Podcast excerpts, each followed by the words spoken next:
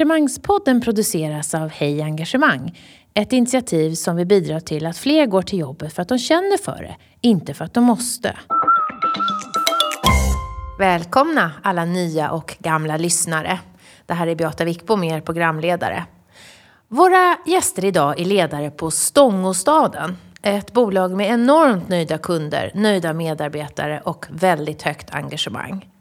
Innan vi lyssnar på hur de har jobbat skulle jag vilja prata mer med Johan Bok från Hej Engagemang som har varit partner till Stångåstaden ungefär i ett år och jobbat med att höja engagemanget från höga nivåer till ännu högre nivåer. Välkommen Johan! Tack så jättemycket!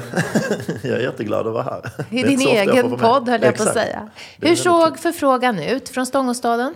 Eh, Förfrågan såg ut som sådan, eh, vilket jag är väldigt glad för. Att de hade fått nys eh, på oss på Hej Engagemang och framförallt av mig på LinkedIn. Och hörde av sig till mig och frågade om jag kunde hjälpa dem att ta ytterligare ett steg gällande engagemang och ledarskapsutveckling. Så, Och jag fick ta del av deras resultat. De har ju så här, nöjd kundindex så har de ju vunnit i sin bransch nio år i rad och sen blev de tvåa i ett år. Så tog de sig i kragen och sen nu ska vi fan bli etta igen och så blev de etta igen. De är fantastiska på det viset. Eh, gällande Great Place to Work kommer de redan högt. Eh, och jag brukar ju skryta om att jag bara varit nervös eh, två gånger i mitt liv. Men eh, här smackade de då in den tredje. För det är rätt så jobbigt att sitta som någon slags partner eller rådgivare och så ska man hjälpa någon annan som är förbannat duktig redan. Så när jag tittade på deras resultat så kände jag så här, jag kommer ju bara slå in öppna dörrar här, för de är redan så himla, himla duktiga. Men eh, de har faktiskt gått, precis som du sa, från väldigt, väldigt bra till fantastiskt bra. Eh, och jag tror att de är så duktiga så att de inte riktigt förstår det. För att de har lyckats genom åren bygga in framförallt en värdegrund som man lever och som handlar, nu kan inte jag den i detalj, men den handlar väldigt mycket om liksom att vara schyssta mot varandra, involvera, visa omtanke och så vidare. Så det är liksom grunden i allt. Sen är ju ledarskapet väldigt mycket struktur och så vidare. Så det är nog främst i strukturen vi har sett de största, eh, vad ska man säga, största utvecklingen. Nu pratade du om att de har väldigt nöjda kunder, men det du har jobbat med är ju också att titta på hur engagerade medarbetarna är. Och eh, i intervjun så pratar vi om eh, ett, ett engagemangsindex. Kan du beskriva det? Vad är det ni har tittat på och vad är det ni mäter? Vi mäter ju ett eget engagemangsindex och det är liksom Gallups globala engagemangsundersökning. Man eh, ställer egentligen påståenden kring förutsättningar för engagemang och motivation. För vi är inte engagerade av vår natur utan det blir vi bara under rätt förutsättningar. Så de förutsättningarna man frågar om och så då får man som eh, respondent svara på, ja men vad tycker jag mellan 1 till 4 eller 1 till 10 får vi på. Vi mäter också någonting som heter ENPS, Employee Net Promoter Score. Vilket då är motsvarigheten till eh, Customer Net Promoter Score som mäter kundlojalitet. Så ENPS mäter ju då hur pass lojal och vilka känslomässiga band man har till sin organisation och sina arbetsuppgifter. Ehm, för att säga det ganska enkelt. Så när ni mäter engagemang och använder engagemangsindex, då har de hamnat på 87. Det är bara en siffra, vad säger den? Eh, den säger ju att de från när vi började för ungefär ett och ett halvt år sedan har gjort en markant ökning kring att förbättra förutsättningarna för engagemang. Så när vi började för ett och ett halvt år sedan låg den på 73, vilket är fantastiskt bra. Nu ligger den på 87 och det innebär att den nästan slår i taket. Och den här sortens eh, resultat, både gällande engagemangsindex, ENPS och MNPS kan vi prata om eh, lite alldeles strax. Um, I en organisation som inte är ett mjukvaruföretag, för där brukar man ofta kunna se väldigt, väldigt höga resultat på teamnivå. Men det här handlar om 220 personer som jobbar med lite olika saker och det kan vara allt ifrån att man jobbar med ekonomi till att du är projektledare, till att du är fastighetsskötare, till att du står i bobutiken. Så genom 24 chefer så lyckas de liksom kanalisera och faktiskt se till att de här förutsättningarna för engagemang blir ännu, ännu bättre. Så den där att gå från 73 till 87 på ungefär ett, ett och ett halvt år är ju fantastiskt. Och vi mäter ju var tredje månad och det är ju för att vi ett, ska kunna säga att vi är på väg åt rätt håll. Nummer två, att cheferna upplever att det de utför i ledarskapet faktiskt gör gott. Det vill säga att de får kvitto på att de gör bra grejer. Det är en av de stora sakerna man gör fel i ledarskapsutveckling, att man mäter på tok för sällan. För då kommer cheferna aldrig få täta positiva kvitton på att de gör bra saker och då tenderar man att göra det mindre. Så ju mer vår hjärna, ju mer, ju mer vi triggar vårt belöningssystem i hjärnan, desto mer kommer vi göra av det. Till sist så pratade du om ENPS kort. Eh, och vad, vad, vad ligger Stångåstaden på ja, för siffror eh, där? De är ju helt galna när det kommer till det. ENPS är ju Employee Net Promoter Score. Eh, man kan få ett score på minus 100 till plus 100. Så man brukar säga om du har 40, då ska man liksom skatta sin lyckliga stjärna för då är du så jäkla, jäkla bra. Det handlar om om du skulle rekommendera din arbetsgivare egentligen va? Skulle du rekommendera din arbetsgivare som arbetsgivare till en god vän, eh, tror jag den korrekta eh, raden är. Eh, så när vi började, då hade de ju 65. Och det är asbra. Väldigt få organisationer i Sverige som har det. Och nu ligger de ju då på 80, vilket ju är helt sinnessjukt. Jag har aldrig hört talas om ett bolag som ligger på 80 i EMPS, det vill säga ett helt bolag. Men vi mäter också någonting som heter Manager Net Promoter Score. Skulle du rekommendera din chef som chef till en god vän? Och där började de också bra. De började ju på 42, vilket är fantastiskt högt. Men slutade nu då på 74 och då är vi inte ens klara än. Det som är kul med Stångåstaden det är ju att de har sånt fokus på huret hela tiden. Det vill säga att göra grejer. Så om vi i våra möten bestämmer, okej okay, nu ska vi som chefer göra de här eh, ledarskapsbeteendena för att skapa bättre förutsättningar för våra medarbetare att känna engagemang och motivation och förbättra prestationer och måluppfyllelse. Så börjar de fan till mig göra det alltid. Så det är så kul när man kommer in i rummet med de här 24 personerna så tänker man så här, ja vad fan här sitter 24 vanliga människor, men det är det inte. Utan de är 24 superhjältar när det kommer till ledarskap, vilket är så jäkla kul. Men de är välkamouflerade, för det skulle man inte se om man såg dem på stan. Men de är fantastiskt duktiga ledare. Och nu är vi ju sugna på att träffa dagens gäster. Varmt välkomna Malin Wettre, HR-chef och Fredrik Törnqvist, VD Stångåstaden. Nu ska vi prata om hur ni jobbar för att lyckas så bra. Varmt välkomna! Jag börjar med dig Fredrik. Vad engagerar dig just nu? Oj, ja, det, är, det är många frågor men vi är mitt inne. Så här på höstan så är det ofta att man är inne i eh, förändringar kring verksamheten. Man ska lägga eh, affärsplan och så vidare för nästa år.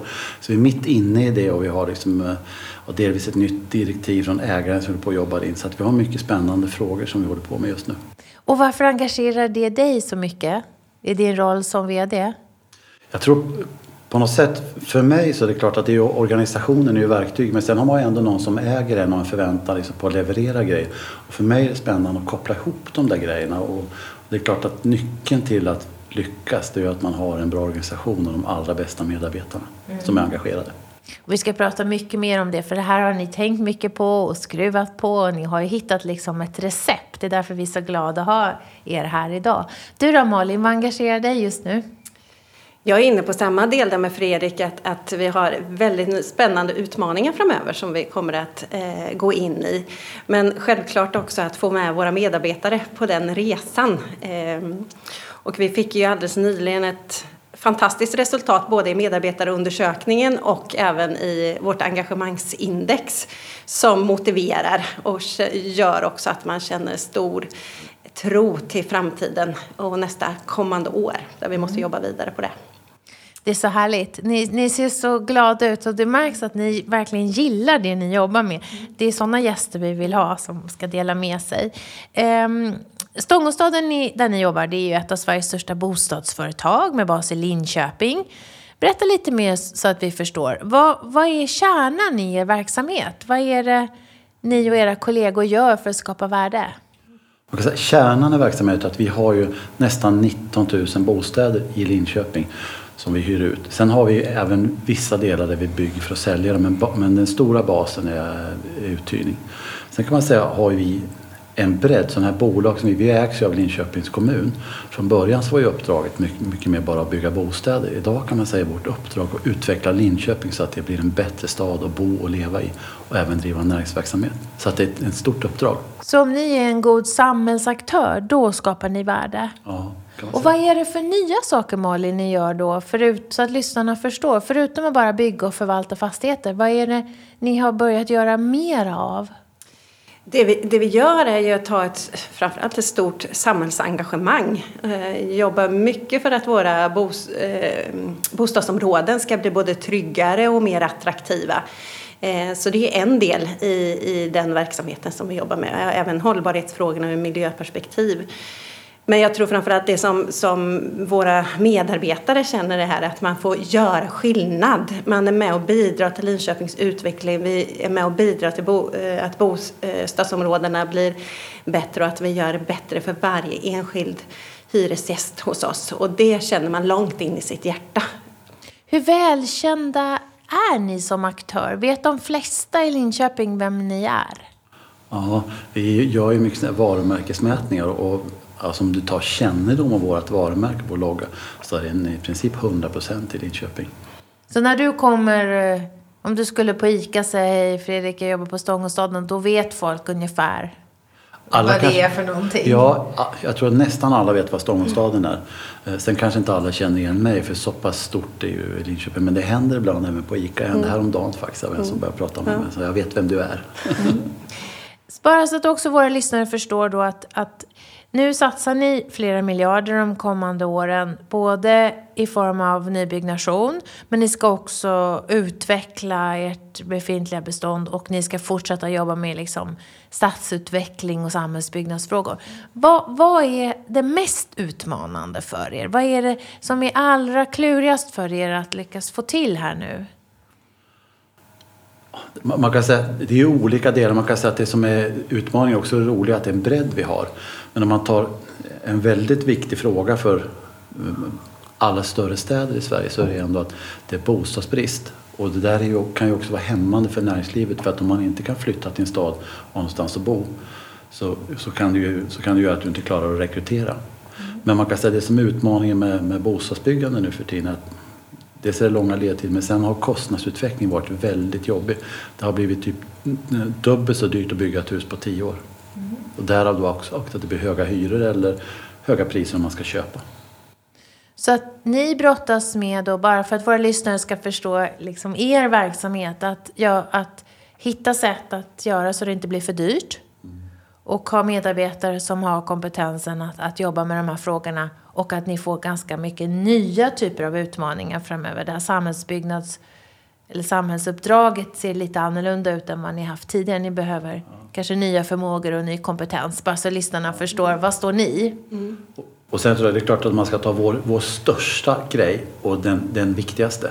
Det är ju att ta hand, vi har 33 000 människor som är kunder hos oss. Och ta hand om deras vardag och deras hem, det är ju det viktigaste. Sen gör vi en massa andra grejer också men det kommer först på något sätt. Och i olika mä- mätningar av kundnöjdhet så ligger ni alltid i topp. Alltså det är magiskt. Vad är det som era kunder uppskattar så mycket med er, Malin? Jag tror mycket att det har att göra med vårt bemötande. Eh, hur vi agerar och hur vi möter kunden varje dag. Och att vi sätter kunden i centrum. Jag tror många fastighetsbolag har ofta tekniken eh, i första rum medan vi sätter kunden allra först. Och det tror jag att de känner när vi möter dem. Hur känner de det? Jag tror att det är vårt agerande och välkomnande och hur, hur vi möter upp och, och vill ge service. Att vi brinner för att ge service. Jag vet att våra medarbetare när vi började jobba med våra värderingsarbeten beskrev att vi måste få med kunden i det här för det är därför vi går hit varje dag. Vi går hit till jobbet för att vi har en kund som vi ska ge den bästa servicen till. Så att eh, man, de som är så här nöjda, de har också ofta haft ett fysiskt möte med er om jag förstår det rätt. Alltså att ni, eh, ni, ni träffar era hyresgäster. Ja, i mångt och mycket så gör vi ju det. Både via fysiska möten med telefon och, och, och chatt och mejl också. Sen så tror jag finns det andra delar också som skapar en kundnöjdhet. Vi är ju också ett bolag som är ekonomiskt starka och också på det viset kunnat eh, bygga om och förbättra våra bostäder på ett bra sätt som också skapar en kundnöjdhet. Uppfylla förväntningar på hur en värld ska vara helt enkelt. Ja. Eh, om, bara så vi också förstår bättre. Vad, vad är det ni har gjort mest annorlunda jämfört med andra bostadsbolag, Fredrik? Det är ju svårt att man, man säger alla andra men, men, Jo, men men, jag tror en grej som jag tycker sticker ut ändå. Det finns, det finns nog några andra som också har jobbat med det men det har varit väldigt tydligt. Det har varit vårt jobb tror jag ändå med, med företagskultur. Som har varit långsiktigt och, uthålligt och har varit på riktigt. Att vi, liksom, vi vill göra saker på riktigt liksom från hjärtat och, och menar det. Det tycker jag skiljer ut. När, när jag träffar kollegor som är VD då är det många som är intresserade av det och man får många tillfällen liksom berätta om den här kulturresan som vi har gjort. Men det är inte så många som tar efter det och kanske inte så många som förstår på riktigt vilken nytta man kan ha av det och vilken styrka det är om man gör det bra. Vi ska prata mer om det och ehm, eh, vi ska prata också och beskriva också hur nöjda inte bara era kunder är men era medarbetare är ju också enormt nöjda. Eh, ni har ett ENPS på 80. Det är det högsta här som vi har haft här i podden. Va, vad är det? Ja, grattis. Eh, vad är det som era medarbetare är så nöjda med? Jag tror grund och botten så är det vår kultur eh, kopplat till att vi tror väldigt mycket på våra medarbetare. Vi är övertygade om att de kan sitt uppdrag på ett fantastiskt bra sätt och därför kan vi ge dem också en stor frihet i vardagen. Eh, vi tror på dem, det känner de. De får vara väldigt delaktiga och vara med och påverka både sin eh, liksom, utveckling i det de gör och, och i, i, i sig själva också. Eh, så att jag tror det är en grundbult i det hela. Eh, sen har det givetvis att göra med ledarskap och, och hur vi långsiktigt har jobbat med våra värderingar och, och satt den här kulturen. Eh, och, och att det inte är en resa som har ett slut utan man måste jobba med den kontinuerligt hela tiden. Fredrik, det här med kulturen, om vi ska borra i den, eh, som ju är en för... Ni, ni kommer tillbaka till det det man läser om er så förstår, då förstår jag att det här sitter verkligen djupt rotat och är förutsättningen för den servicen ni ger både externt och, och eh, internt. Eh, är det här, kan man säga att, det, att den började den resan? Finns det en, en startpunkt? Var det annorlunda för några år sedan? Eller kan du beskriva hur ni fick insikten och hur ni har jobbat med kulturarbetet? Jag tror både jag och, och Malin fick insikten liksom, innan vi jobbade på Stångåstaden ens. Jag gjorde en, en liknande, jag var VD för ett annat bostadsbolag innan och du jobbade på ett annat företag där ni också gjorde en kulturresa. Så jag tror att uh, uh, vi hade det med oss och sen var vi väldigt överens när jag började att ja, men det här är någonting som vi ska göra även här. Och vad var det ni ville göra då, om du är väldigt, väldigt konkret? Ja, men man kan säga vi, vi, det, det, vi har ju velat skruva och liksom förändra företagskulturen. Det fanns mycket som var bra som vi ville hålla men även vissa delar som vi ville ändra på. Um, man kan säga att det tydligaste det är lite grann det som Malin beskrev att det som vi vill jobba med egentligen att ge våra medarbetare stor frihet att hitta sin egen väg mot målet. Sen måste man liksom ha tydliga mål. Då tidigare var det lite spretare liksom, vad, målbilden var. Man, man hade delvis kanske stor frihet även tidigare men vi har försökt att hitta liksom, en bra kombination av det där. Och vad är det för kultur som stödjer den frihetsgraden? Ja, Jag tror själv väldigt mycket på att eh, man ska skapa ett klimat eh, där folk liksom inte är rädda för den som är direktör eller för HR-chefen utan eh, modiga människor som vågar testa saker och då måste man också liksom ha rätt att göra fel. tycker jag är en viktig grej. Man behöver inte göra samma grej fem gånger men man måste få göra liksom fel och så kan man lära sig någonting av det. Vad mer präglar er kultur? Och sen, eh, sen tror jag även det här att vi, vi lyssnar på människor och låter dem vara med. Och vi, det är också så i en verksamhet att vi två kan ju inte allting bäst. Utan det är klart att de som är ute och träffar kunder eller bygger hus eller vad man nu jobbar med. Det är de som har svaren egentligen. Så att det gäller att hitta liksom, sätt att leda så att man får fram all den där kraften. Och det här att, att få pröva, att få utforska, att få göra fel. Var det inte så innan?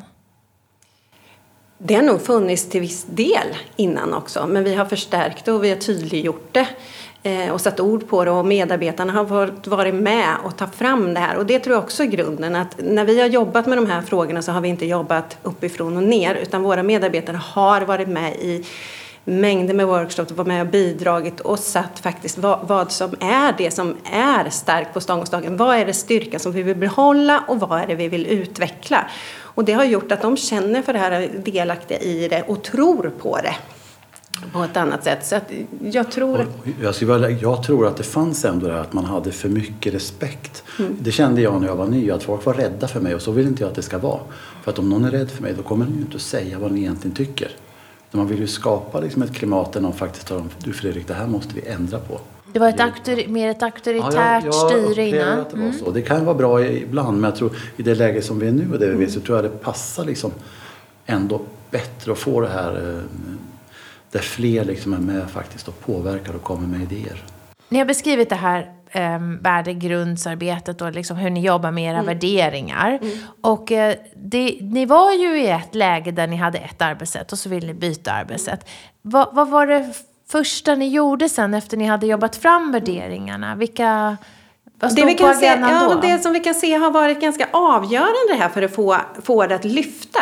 Det är när vi började jobba eh, med det värderingsstyrda ledarskapet och fick med våra chefer. För att det, det, hjälper inte om HR eller VD eller så driver det här eh, hela tiden. Utan det måste ske i vardagen. Och vi måste få med våra chefer, inte bara det att de tycker att det är bra utan att de verkligen förstår det.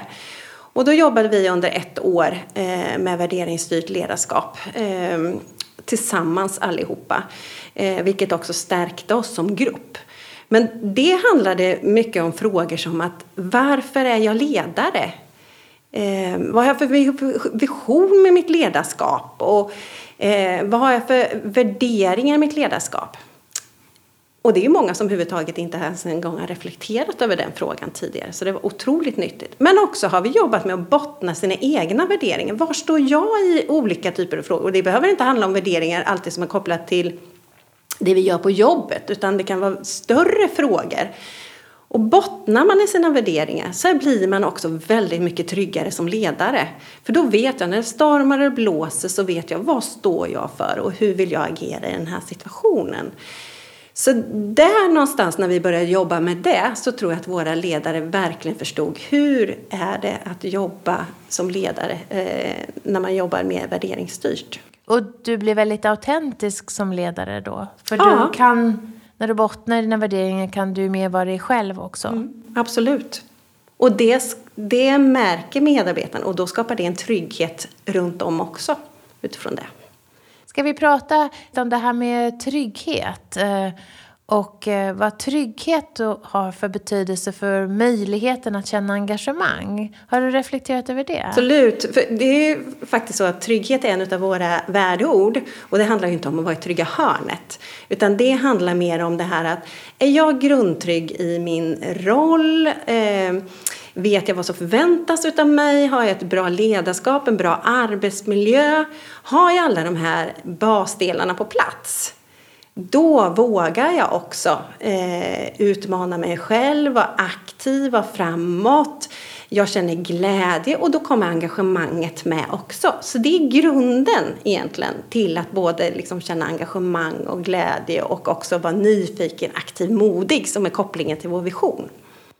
Och det tycker jag är så bra att du poängterar det för att eh, ibland kan ju engagemang och brinn och driv på något sätt bara handla om att förändra och springa till det mest spännande. Men att trygghet handlar också om förutsägbarhet och tydlighet och tydlighet över tid för att eh, jag ska kunna vara, som du säger, eh, förändringsbenägen och kunna lämna den trygga zonen. Absolut. Eh, vi älskar ju att använda ordet medarbetarengagemang. Och det förstår jag att det är någonting som ni också använder. Va, vad betyder det hos er, Malin, när ni definierar det?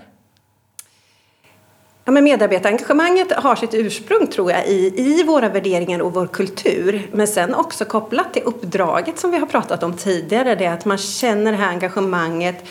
Att man går till Stångåstaden, man får göra skillnad varje dag. Det tror jag sitter väldigt djupt rotat i, i våra medarbetare. Men sen också så, så, skapas i den här miljön som vi är i, där man får vara med och påverka, man är delaktig. Vi har ett ledarskap som är också skapar ett engagemang eh, runt omkring dem som också bidrar till att, att, eh, man får frodas och man får känna arbetsglädje. För jag tror att arbetsglädje är en kärna i det här också. Mm. Är det skillnad på arbetsglädje och, och medarbetarengagemang? Nej, jag tycker det finns en stark koppling dem ja. emellan. Verkligen. Men hör jag dig säga att, att hos er betyder det att man ska ha förutsättningar att eh, känna att man gör verklig skillnad? Är det det som medarbetarengagemanget ytterst handlar om? Är det det som skapar engagemanget? Att man har rätt förutsättningar? Nej, jag tror, alltså, ja, eh, till viss del. Jag tror ju, ett är uppdraget är ju det vi, vi gör som Stångstaden. Det är ju en del som skapar ett engagemang. Sen är det ju förutsättningen och det vi bygger upp med både kultur och ledarskap och, och eh, de själva bidrar ju till att skapa ett engagemang också. För vi alla är ju med och bidrar till en bättre arbetsmiljö och att man känner glädje. Eh, och sen måste vi vara med och sätta målen som tydliggör vart är vi på väg. Eh, och de här bitarna tillsammans, det, ja, det är väl förutsättningar för att vi ska skapa engagemanget inom bolaget, kan man ju säga på sätt och vis. Just engagemanget eh, som, ju vi, som vi liksom vi isolerar det, mm. det begreppet här då, i den här mm. podden och i det här samtalet. Varför är just engagemang så viktigt att prata om? Ni, ni mäter engagemang, ni talar om engagemang. Det är inte alla organisationer, Fredrik, som gör det. Eh, vissa säger nej, det använder inte vi uttrycket. Vi säger att här ska man vara motiverad, men engagemang använder inte. Varför är det så viktigt just att fokusera på engagemang, ser du? Jag, jag tror just det där äh, man måste liksom man måste brinna för det där som man är anställd för äh, så att det liksom blir på riktigt. Äh, då tror jag det blir väldigt mycket bättre. Jag brukar säga att man ska ju älska när våra kunder ringer. Man ska inte tycka liksom att nu är det något besvär, jag får en arbetsuppgift. Så att jag tror det är väldigt viktigt där. Dels måste man ju gilla våran affär, det vi håller på med. Det tror jag väldigt många tycker, att det finns något spännande i att utveckla Linköping. Sen har ju alla sin del i det där och man måste ju även brinna för den där vardagen som alla har, där alla pusselbitarna ihop blir vårt slutresultat. Eh, brinner för vardagen som kunderna har eller som kollegorna har? Ja, men som man har själv i sitt jobb, ja. oberoende vad man För man gör ju olika saker mm. på dagarna. Men det som man är anställd för, är klart att det måste man ju grunden brinna för att tycka liksom är det roligaste som finns. Mm. Och ni har ju ni har ju högt engagemang och ändå Malin så har ni eh, under de senaste månaderna jobbat med något ni kallar för engagemangsprogram. Absolut. Och ja. som också eh, utgivarna av den här podden har varit med, ska vi ju säga för tydlighetens skull. Vad, vad var syftet eh, med, med den satsningen och vad var det ni ville uppnå? Vår resa tar ju aldrig slut. Eh, så att eh, Oavsett så kommer vi att hela tiden jobba på att bli ännu bättre. Man kan inte luta sig tillbaka och tro att nu har vi nått det här målet och nu är vi nöjda. Utan här måste vi hela tiden tänka på hur kan vi bli lite bättre i de här frågorna.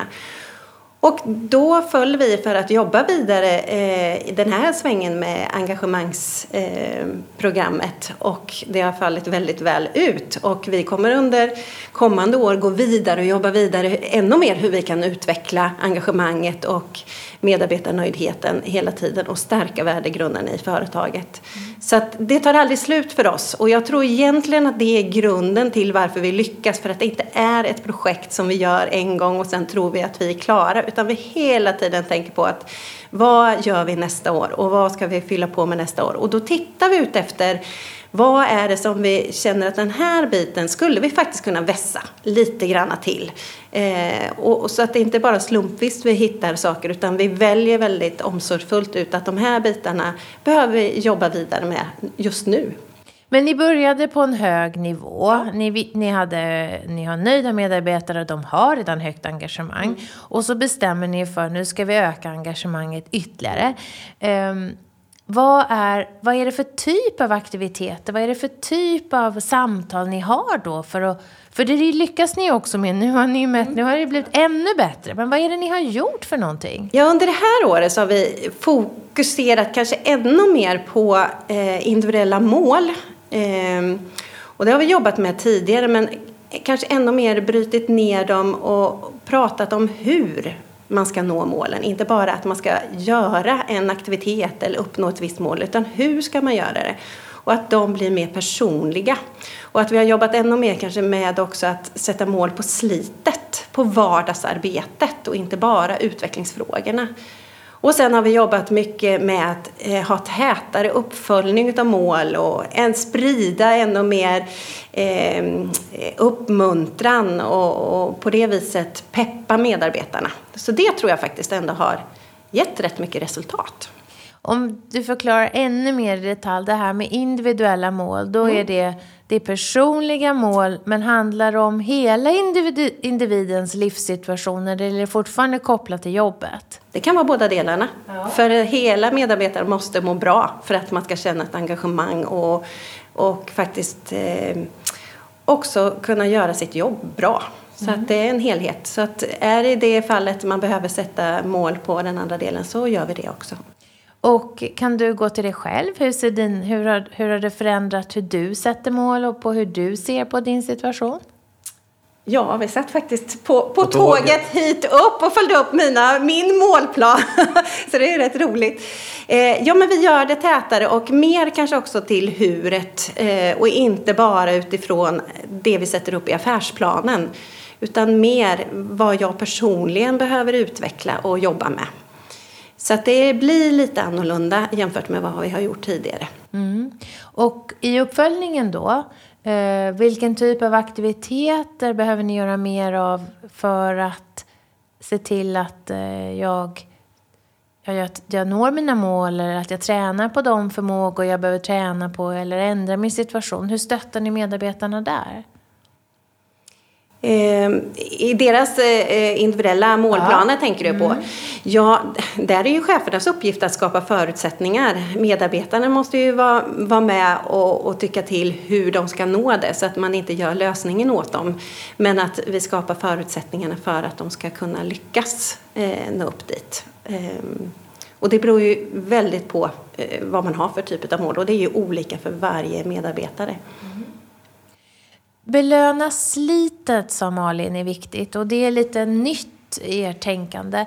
Kan du utveckla det Fredrik? Vad, vad betyder belöna slitet och vad är motsatsen? Mm.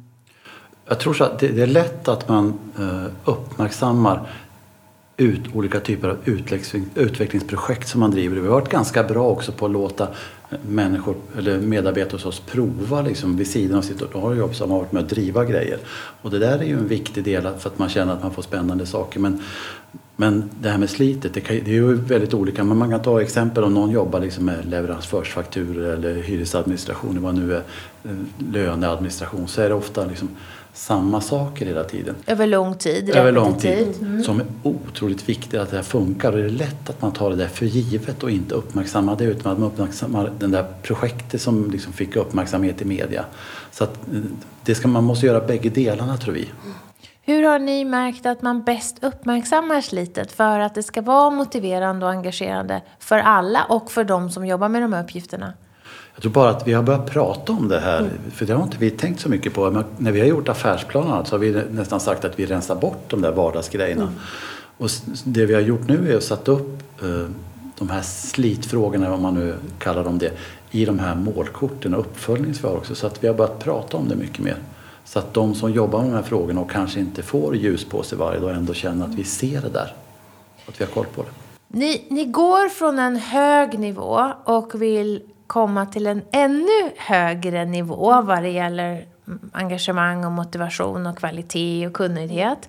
Eh, vad, vad, är utmanande med det när, när, när förändringen liksom är mer inkrementell och, och, och ni också börjar sträva efter liksom nivåer som är svåra att nå? Att, att, där kanske inte så många organisationer klarar av att befinna sig under lång tid. Jag tror vi Nu kanske, vi kanske inte riktigt ser det, men vi, jag tror att vi har någonting i oss att vi hela tiden vill utveckla Mm. företag och bli bättre. Så kanske inte vi tittar om man liksom har 80 eller 82 eller 85. Det kanske inte är siffran som är det viktiga men vi har någon slags drivkraft att vi vill bli bättre. Och jag tror vi har ju en vision som är väldigt cool också som är ett steg före. Som sitter liksom verkligen i hjärtat hos alla som jobbar. Det betyder två saker för oss. Det ena är att vi ska ligga ett steg före i vardagen, alla vi som jobbar i alla situationer. Och det andra är en positionering av oss som bolag, att vi vill ligga ett steg före i branschen. Och jag tror det där liksom genomsyrar oss, det där är också på riktigt, att vi verkligen vill det där. Och ska man hela tiden eh, eh, bli bättre, då måste man göra olika saker också. Annars kommer resultatet bli likadant. Göra nya saker. Ja, man måste göra nya saker och göra saker annorlunda om man ska få ett annat resultat. Malin, ni var med i engagemangsprogrammet i ett år som du beskrev. Och då nådde ni ett engagemangsindex på 87. Vi har en gång kvar också. Vi är inte klara riktigt än. Vi siktar på 90. Ja, precis. Vad betyder de här siffrorna? Alltså vad betyder 87 eller 90? Vad, vad säger de? Ja, men det är ju fantastiskt kul. Vi är oerhört stolta även om vi ibland faktiskt inte förstår att eh, de är så bra. Men, men det... Av 100 är det här. Ja, precis. Men, men vad säger de? Säger de att alla i princip känner högt engagemang och har förutsättningar att känna- känna Ja. engagemang? Eller vad mäter det här? Ja, men det är klart att det gör det. Att, att, eh, att vi har, kan känna att vi har medarbetare som, som känner ett stort engagemang i, i eh, det. Och det i sin tur gör ju faktiskt att, att har vi engagerade medarbetare så kommer vi också få ett bättre resultat utav organisationen. Då ökar ju både prestationen och vi får nöjdare kunder. Och, så att det blir en väldigt positiv spin-off i det här. Så att på det viset så, så innebär det ju jättemycket för oss att vi ökar i det här. Och det gäller ju liksom att bibehålla och, och ligga kvar på de här nivåerna. Är det, en, är det en fördel i sig att prata om, ökar det engagemanget ännu mer och säga att vi är bäst på engagemang i Sverige? Ja, det tror inte jag. Utan jag tror att det måste vara liksom på riktigt. Riktigt. För att annars blir man avslöjad. Så jag tror då kan det nästan få motsatt effekt. Om man pratar om det så finns det inte där. Så att jag tror man, det gäller att göra det, det är det som är grejen. Mm, jag gillar att du återkommer till det här på riktigt, Fredrik. Eh, går det att se några gemensamma beteenden hos de eh, ledare och chefer hos er som är eh, bra på att skapa engagemang i ett team? Ja, men jag tror ändå att, att både det här att kunna eh, sätta upp en vision och tydliga mål, vart, att staka ut en väg eh, är en del. Och jobba med uppföljning och, feedback och så i vardagen, eh, uppmuntran, eh, det är otroligt viktigt. Men också att man vågar vara modig och tydlig tror jag är en annan del i det här. Och sen givetvis vara ett föredöme själv för det, det vi står för och den värdegrund vi, vi lever. Det tror jag är jätteviktiga delar och det kan vi också se hos våra riktigt duktiga ledare som vi har. Mm. Vad letar ni efter för typ av förmågor och egenskaper om ni rekryterar nya ledare?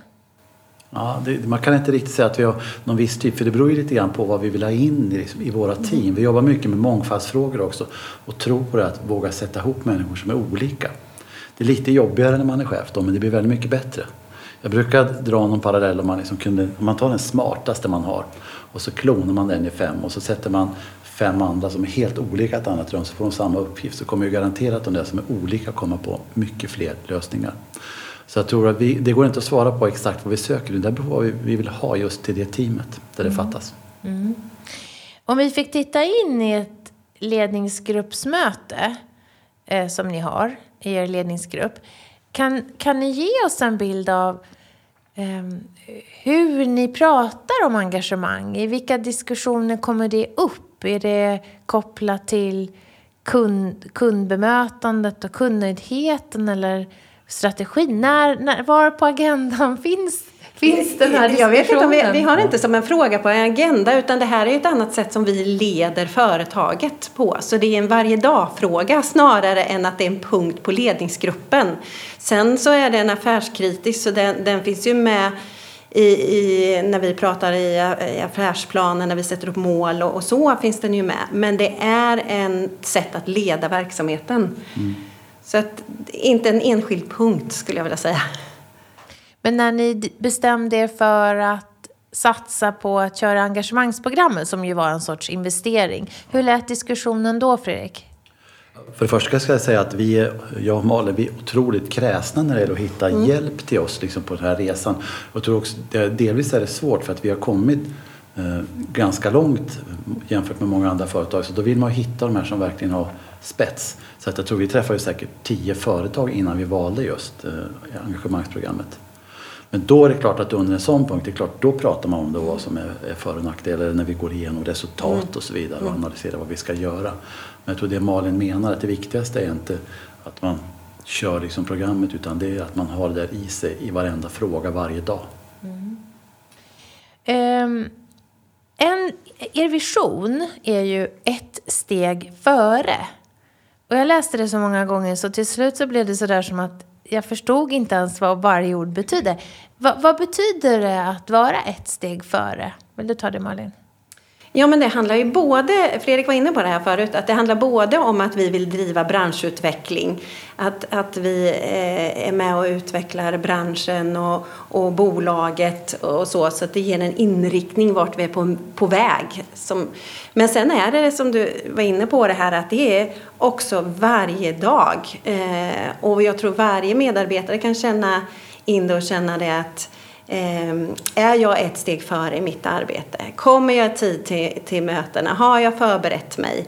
Ehm, och också har jag planerat mer långsiktiga frågor? Ligger jag i tid med det? Ehm, så att den ger både den här ledstjärnan vart vi är på väg som bolag och också det som skapar engagemang att vi, vi är faktiskt med och utvecklar något större än bara vårt bolag utan hela branschen som sådant och Linköping som stad. Men också varje dag i, i vardagen. Vad är det för ledarskap som ser till att medarbetarna ligger ett steg före? Alltså vårat sätt att jobba har ju varit att leda med värderingar som är ju annorlunda mm. så att vi arbetsleder ju egentligen inte människor utan man, man får ändå en stor frihet hos oss att hitta sin väg mot målet och hur man ska göra saker. Sen har vi värderingar som är lite grann, om du tänker en allé som är träna och ibland så kommer någon att köra diket och då är det väldigt viktigt i det ledarskapet när man styr med värderingar att man vågar faktiskt tala om och knuffa upp folk på vägen igen för att annars är det risk liksom att kulturen raseras. Och det där är ju inget som man får automatiskt. Det gäller ju att träna på det också. Träna och leda med värderingar. För det är annorlunda mot att, att arbetsleda. Så det, det har ju varit en del av den här resan under de här åren. Att vi har på olika sätt jobbat. Både hur man ska agera som ledare men också hjälpt till med. Vi har haft dilemman till exempel löpande där vi liksom sätter upp, om vi har frågor som man kan känna det finns olika åsikter om i organisationen. Så jobbar man med dem och reder ut det. Så på något sätt så stakar man in vad som är okej okay och vad som inte är okej. Okay, både internt och externt på Stångåstaden. Vi har inte talat om era värderingar. Ska du, ska du beskriva dem så att lyssnarna får höra? Ja, de är professionella, aktiva och trygga. Sen tror jag när man jobbar med värderingar så är inte det viktigaste exakt vad de där orden är. De måste ju vara positivt laddade för annars blir det ju konstigt. Men, men det, det som det gäller att göra, som jag tror många företag missar i, att om man, man jobbar jättemycket så hittar man liksom de där orden eller kärnvärden kallar en del mm. och sen så har man någon byrå som hjälper en och så skriver man liksom texter och man är jättenoga med det där och så slutar man där. Att det är där liksom det mm. börjar, att det gäller att fylla det där hela tiden med innehåll. Vad betyder professionella för oss? Vad betyder trygga för oss? Vad betyder aktiva för Stångåstaden? Det är det som är nyckeln.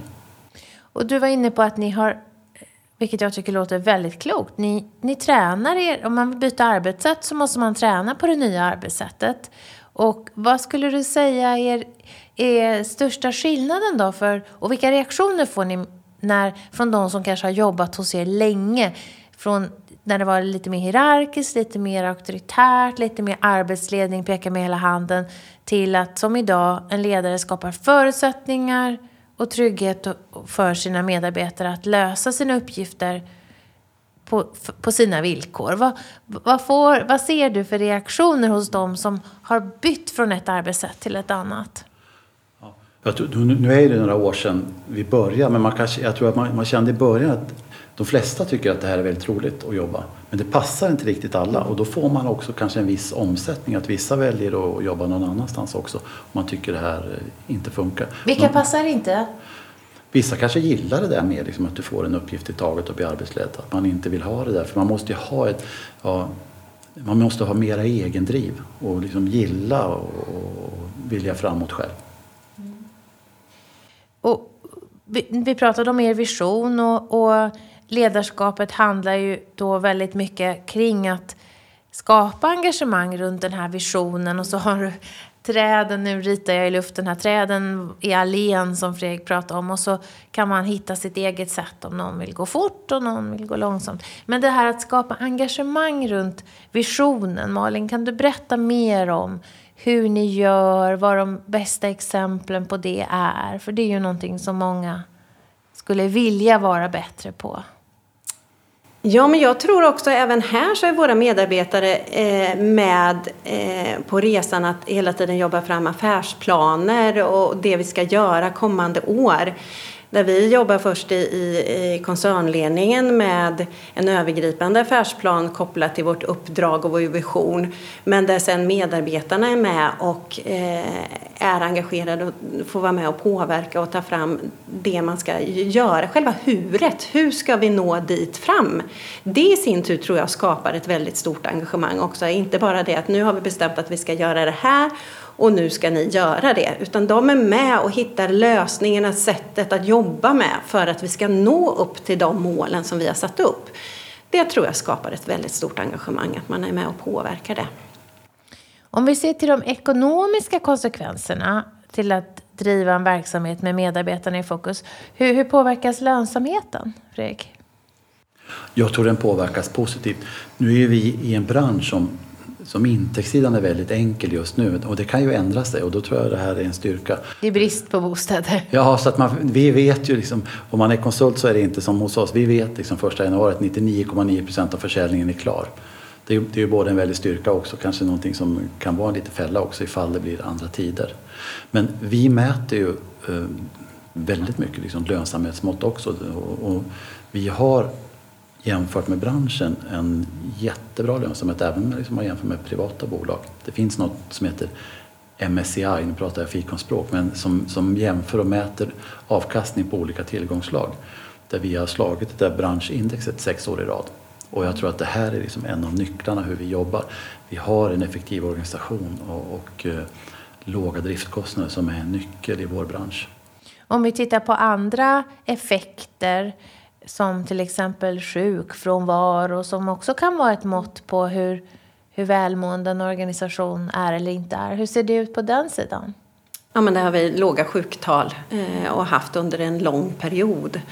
Eh, så, så det kan man ju verkligen se som en del. Men jag kan också se att vår att vi har blivit ännu mer attraktiv som arbetsgivare. Det är väldigt tydligt de sista åren att fler och fler söker sig till oss och vill börja jobba på Stångstaden. Det kanske inte till och med finns en roll som passar mig, men man vill komma in till oss för man, det börjar sprida sig hur det är att jobba och hur vår kultur är och, och det i sin tur är ju en jätteviktig pusselbit om man ska lyckas med uppdraget, att vi får riktigt duktiga och kunniga och engagerade medarbetare till oss. På er hemsida så har ni en flik som heter engagemang. Och jag som har surfat på webben sedan 1995 eh, eh, upplever att det är första gången jag ser det här och det tycker jag är väldigt kul. Vad är det ni kommunicerar där? Mm. Ja, nu är det inte engagemangsprogrammet fast det, det, det, det är en annan typ av engagemang. En del i det här arbetet som vi har med social hållbarhet är att vi har massor med olika föreningssamarbeten där vi på sätt stöttar föreningar, både killar och tjejer och mest idrott men även kultur och annat. Eh, så att, eh, jag tror det där har, gett oss och vårt varumärke en väldig styrka. Liksom att vi kan engagera även då eh, A-lagsspelare i hockeylaget till exempel som utordnar hockeyturneringar i våra bostadsområden. Eh, till att man kan stötta de här yngre lagen så att de liksom får en bra bild. Men man kan säga att vi håller inte på med sponsring längre utan vi, vi vill ha samarbete så att vi vill alltid ha någonting tillbaka till våra kunder på olika sätt. Och då kallar ni det engagemang? Ja, då kallar vi det engagemang. Mm. Ja. Mm. Vi har redan pratat om det här men jag vill gå in lite mer på det att jag har förstått att ni är väldigt bra på att pröva nytt och testa. Och det, det kräver ju ett sorts mod att, att våga gå eh, till att faktiskt utmana er själva. Och jag, jag skulle vilja fråga dig Fredrik som, som vd när man läser dina kommentarer och du skriver ganska mycket på webben och så också för oss som inte ens jobbar på Stångåstaden att ta del av. Så känns det som att du är så väldigt nyfiken på vad kan det här bli? Vad kan vi göra mer? Var kommer den där lusten att utforska ifrån? Det, det, och det kanske är min personlighet i och för sig som är så och den passar just nu ganska bra på Stångåstaden eftersom vi har en vision som går i linje med det. Då. Ja, men är det medfött eller har du tränat upp det? Ah, jag tror att det på något sätt är nog ändå medfött. Jag tror det är en del av min personlighet. Ja, för ni, ni säger från prat till resultat pratar ni mycket om. Och, och, kan ni bara berätta i vardagen, eh, om ni sitter på ett möte där det blir liksom lite rundgång. Är det någon som drar liksom i en, en osynlig spak och säger hörni, nu har vi pratat tillräckligt. Alltså hur, hur djupt sitter det där i arbetssättet nu att börja göra, börja, börja pröva, börja testa? Eh, man får bara dra en annan grej som, som är lite kul ändå, för vi pratade om det där förut, hur vi, hur vi tänkte när vi skulle ändra företagskulturen och hur vi skulle flytta den. Så satte vi upp några saker. Jag tror det var fyra, fem grejer som vi hade en slide på. Vad, vad, vad signalerar kulturen idag? Var vi vill komma någonstans? Och en av de där grejerna som vi sa som vi vill åstadkomma, att vi vill bli modigare och få mera driv. Och det tycker jag ändå på något sätt att vi har åstadkommit och nyckeln är ju inte att det är klart att jag måste nog vara modig för sig för att annars kommer det hämma hela företaget. Men nyckeln är ju att alla som jobbar på Stångåstaden blir modiga och vågar göra saker. Mm. Hur har ni tränat modet, Malin? Ja, men en del i det här att, att, att faktiskt det är okej att få göra fel. Eh, vi peppar våra medarbetare, men testa, våga prova, våga ta egna beslut. Vi, vi lär om vi gör fel, det är en del. Eh, för då känner man ju att okej, okay, känner man rädsla eller inte vågar då, då, då, kommer man ju aldrig testa den där. Då tar man den säkra sidan istället. Så det gäller att uppmuntra, peppa och sen vara förlåtande och, och givetvis lära av det som vi, vi gör tokigt. Men, men eh, det där är att gneta på och, och peppa vidare, definitivt.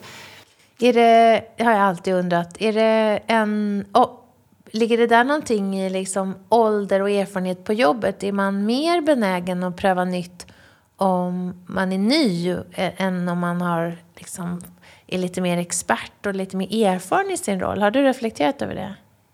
Lite grann kanske hänger ihop med den nya generationen. Om man är ung och man är lite naiv och liksom så, då kanske man är lite mer modig innan man har slipats av. Och, och det är klart att kommer man från andra organisationer som inte har varit förlåtande och det varit okej okay att, att göra fel, då är man ju stöpt i det på något vis. Sen om det har, har precis till, till en speciell ålder eller Eh, funktion eller roll. Så där. Det, det, vet jag inte riktigt så. Men, men det finns ju det man har med sig lite i, i ryggsäcken. Det påverkar, tror jag. Eh, vi har pratat om att ni är på väg på längre sikt. Att eh, dels så ska ni investera mycket i ett nytt fastighetsbestånd men ni ska också så att säga ta ett ännu större samhällsansvar, jobba ännu mer med hållbarhet och med trygghet till exempel. Kan du prata mer om, Malin, vad är det för förmågor och färdigheter som ni kommer behöva mer av de närmaste fem åren? En fråga som vi faktiskt inte har lyft är också digitaliseringen som vi, vi kommer att eh, givetvis också eh, gå in i mer och mer. Och det gör ju också att den eh, digitala mognaden hos våra medarbetare, den behöver ju eh, vi tar hänsyn till och se till att både befintliga medarbetare eh, växer inom det området men även de, de nya. Och sen tror jag överhuvudtaget att det kommer gå snabbare saker i, i framtiden och förändringar kommer ske oftare. Så att, att, att vara beredd och, och eh, vilja, förändringsvillighet och, och ehm, känna att det, det är inte någonting som är jobbigt utan att man, man ser fram emot att det händer saker. Det tror jag också är en sån där del som, som vi måste ta med oss. Mm. Så förmågan att ta sig an saker som man inte riktigt vet exakt hur de ska bli ja. då och mm. förmågan att eh, och prova ännu mer. Mm. Mm. Och hur, hur ska ni se till att utveckla de här förmågorna inklusive den här digitala nyfikenheten och digitala mognaden? Hur, hur jobbar ni med lärande och kompetensutveckling?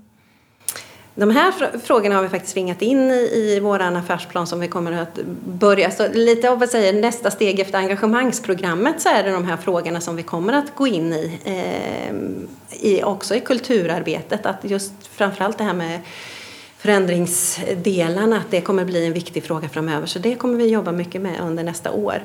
Ibland jobbar vi ju eh, med enskilda enheter och grupper beroende på vad det är för fråga. Men ibland, så, eller ofta så jobbar vi ju då också med hela företaget om en kulturfråga. Och då involverar vi alla tillsammans då. Så att det kommer ske på, på olika sätt. Och det är samma sak med digitaliseringen, att där behöver vi också titta på, vi kommer olika långt i den frågan eh, internt också. Då måste man titta på de individuella förutsättningarna och behoven, hur de ser ut. Så att det blir både på individuellt plan, gruppplan och också eh, se hur, vad företaget i stort behöver. Då. Just förändringsarbete och att eh öka förmågan att jobba i osäkerhet det är ju någonting som de flesta organisationer och företag idag eh, brottas med. Att, att det också ibland inte alltid finns en engagem ett engagemang för att göra den förflyttningen. Hur har, ni, hur har ni resonerat kring det och hur tänker ni att ni ska skapa engagemang just kring den här förändringsbenägenheten, Fredrik? I det här jobbet som vi har gjort med vår, vår nya affärsplan där det här liksom är, är, viktiga delar. Ska man säga, så vi hade helt nyligen en samling för hela företaget som en slags avstamp på det som vi har gjort i koncernledningen ihop med styrelsen och sagt, satt en slags strategisk inriktning. Och det är ju väldigt viktigt att man förstår liksom dels det här syftet med varför finns bolaget och vad man ska göra. Men sen har vi försökt göra väldigt med, ja, ett nytt sätt egentligen att omvärldsspana på så att man ska förstå den här nya världen som vi finns i där allting går väldigt mycket snabbare, man har digital teknik. Eh, befolkningsfrågorna är ganska viktiga för oss. Inte bara att stan växer utan att det blir fler och fler äldre är en sån där utmaning för oss. Det finns massa bostadsbrist, det finns en massa olika pusselbitar som vi har försökt liksom. Så att man som medarbetare bättre ska, ska förstå, förstå, varför. varför. Ja, precis. Och hur kommer de insikterna omvärldsinsikterna presenteras? Ja, det har vi, det har vi gjort. Och, så, så att det, det är alla, då gör vi en slags inriktning då för koncernen. De här är liksom de strategiska uppgifterna för oss de kommande åren. Vi har typ ett femårsperspektiv i den. Och sen jobbar, så har vi 22 enheter som jobbar med sina planer med de här grejerna som vi liksom har tagit fram dem med sig in i det. Så att vi ska få alla åt samma håll. Mm. Jag återkommer till det här att jag hör er sätta som en etikett över det gemensamma utvecklingsarbetet. Nu nästa år, då ska vi jobba med det här, säger du Malin. Och, då, och en medvetenhet också om att nu är det den här förflyttningen vi vill göra, men nu är vi också i den här förflyttningen. Alltså själva förändringsarbetet i sig är något ni bygger mycket kommunikation runt, låter det som. Ja, det är det. Eh, kommunikation är oerhört viktigt för att få med medarbetarna, att de förstår varför vi gör saker. Annars så sitter vi framme längst fram i loket och medarbetarna är i vagnarna som man brukar säga. Så det är jätteviktigt att medarbetarna är med på samma tåg och känner att man förstår varför vi gör olika saker och vad är det som kommer. Eh, vad är det som kommer utmana oss framöver och vad innebär det då för mig? Jag tror att man har en mycket större acceptans och, och, tycker att en sak som annars kanske varit utmanande och lite orolig så kanske man känner en, en glädje och nyfikenhet kring frågan istället. Mm. En annan sak som slår mig när ni beskriver det är att det blir väldigt överblickbart det ni berättar om. Eller är det så att jag har gjort mycket research och förstår ganska väl vad ni pratar om. Men det är som att ni tar ett steg tydligt steg i taget. Ni håller inte på att förändra 20 grejer samtidigt. Är det rätt uppfattat Fredrik? Ja, i alla fall vad gäller det här med kulturarbete. Sen är det klart att har vi en sån bredd i verksamhet så att vi håller på med massor med grejer samtidigt. Men vad gäller företagskultur, värderingar och de här engagemangsfrågorna. Ja, då har vi försökt ha en röd tråd och inte göra flera saker på en gång. Utan liksom, gör en grej, vi försöker göra den bra. Och sen så under tiden vi är inne då spanar vi liksom på nästa så att man kan jacka i det. Mm. Men det kan ju vara ett tips till er som lyssnar då att, att faktiskt försöka jobba linjärt eh, med några tydliga steg. Ja. Eh, och att man också ligger ett steg före, att vi, att, att vi planerar redan ett år längre fram. För att annars så går det nästan ett år innan man är igång med nästa sak. Så att när vi är mitt inne i någonting så måste vi planera för nästa steg som kommer. För att hålla det vid liv hela tiden. För annars så blir det ett glapp emellan då det inte är någonting. Utan vad blir nästa steg? Det, det är hela tiden så vi jobbar. Det är så roligt att få ha båda er här, VD och HR. Kan ni berätta mer om ert samarbete? Vad är det, vad är det Fredrik behöver ge dig för, för ingångsvärden och vad kan, hur stöttar Malin liksom dig i din roll, Fredrik? Om du vill börja, Malin. Mm. Jag tror den stora, stora skillnaden också varför vi har nått så långt, det är faktiskt för att vi har Fredrik och en VD som verkligen, jag brukar säga det, som verkligen förstår i sitt hjärta vad det innebär att jobba med värderingar och med engagemang och med ledarskap. Eh, det är många VD som tycker det är viktigt eh, och så säger man till HR att jättebra, jobba med de här, du får resurser och förutsättningar. Men Fredrik går ju i spetsen för det här och är ett stort föredöme vilket gör också att det, alltså det, det blir högst upp på agendan eh, och då blir det på riktigt. Så det tror jag är den stora, stora skillnaden. Och sen är det att det är jätte, jätteroligt också att jobba tillsammans så. Men, men det tror jag är A och O varför vi också har ett sånt fantastiskt resultat. Och då blir det tydligt och så vet du att det kommer att vara samma sak över tid. Det är inget... Nej. Det, kurs, kursen ligger därför det är på riktigt. Mm. Mm. Och det blir ju otroligt mycket lättare för mig att jobba med frågorna när jag har någon som går före och säger att det här är viktigt och sätter upp det på agendan. Och du Fredrik, vad, är, vad har du HR till? Mm. Jag ska säga så här först att för, för mig, våran bransch, det är, liksom, det är mycket pengar och, och det är liksom det, det, kan vara lätt att hamna i att man fokuserar liksom på finansieringsfrågor, på, liksom på affärer, på byggnation och så vidare, på ekonomi. Och det måste man göra också. Men jag har haft som lite ledstjärna att försöka lägga typ halva min arbetstid på att utveckla organisation, på kompetensförsörjningsfrågor, de här grejerna, på varumärke. För att jag tror man har otroligt mycket igen på det. Och då kan jag säga att Malin och jag vi har haft otroligt bra samarbete från första dagen. Mm. Och jag brukar säga att hon har faktiskt hjälpt mig att bli en mycket bättre VD. Så att hon är en väldigt bra rådgivare. För man är ju lätt att bli lite själv annars när man är VD. Speciellt om man tar liksom organisations och förändringsarbete. Då, då blir man liksom symbolen för den och den som kanske måste fatta de här besluten som ibland inte alla riktigt gillar. Och då är det väldigt bra att ha någon som man kan bolla frågor med. Mm. Vi ska börja avrunda.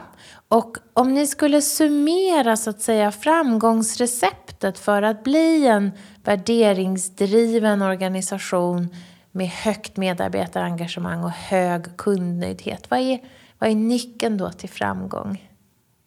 Dels tror jag det gäller att man ska, man ska inte se det som ett projekt som man håller på med under begränsad tid utan som vi har varit inne på att det är ett annat sätt att leda företaget på. Och sen tror jag också det här alltså att man måste göra saker på riktigt.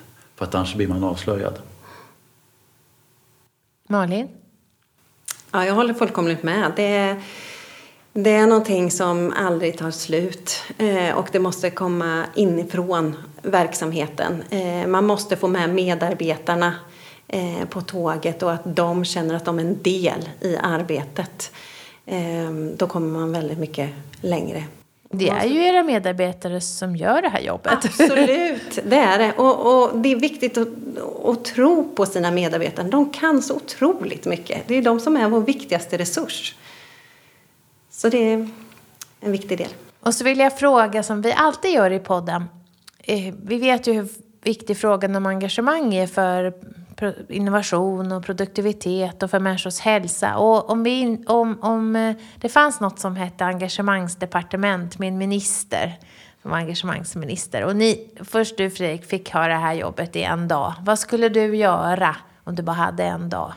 Jag skulle på något sätt ändå, jag skulle vilja få ut budskapet, vilken styrka det är att jobba på det här sättet. Det tror jag. Det, det kanske är svårt att liksom stifta någon lag att nu ska alla göra så här, men mm. ändå få ut budskapet. Och vad skulle, hur skulle det budskapet låta då? Men att det är en otrolig kraft om man liksom vågar lita på medarbetarna. Att det skapar ett otroligt engagemang som man tjänar på. Både med nöjdare kunder och ökad lönsamhet. Förklara det, det skulle jag vilja göra. Så att alla förstår varför vi ska jobba med engagemang. Mm.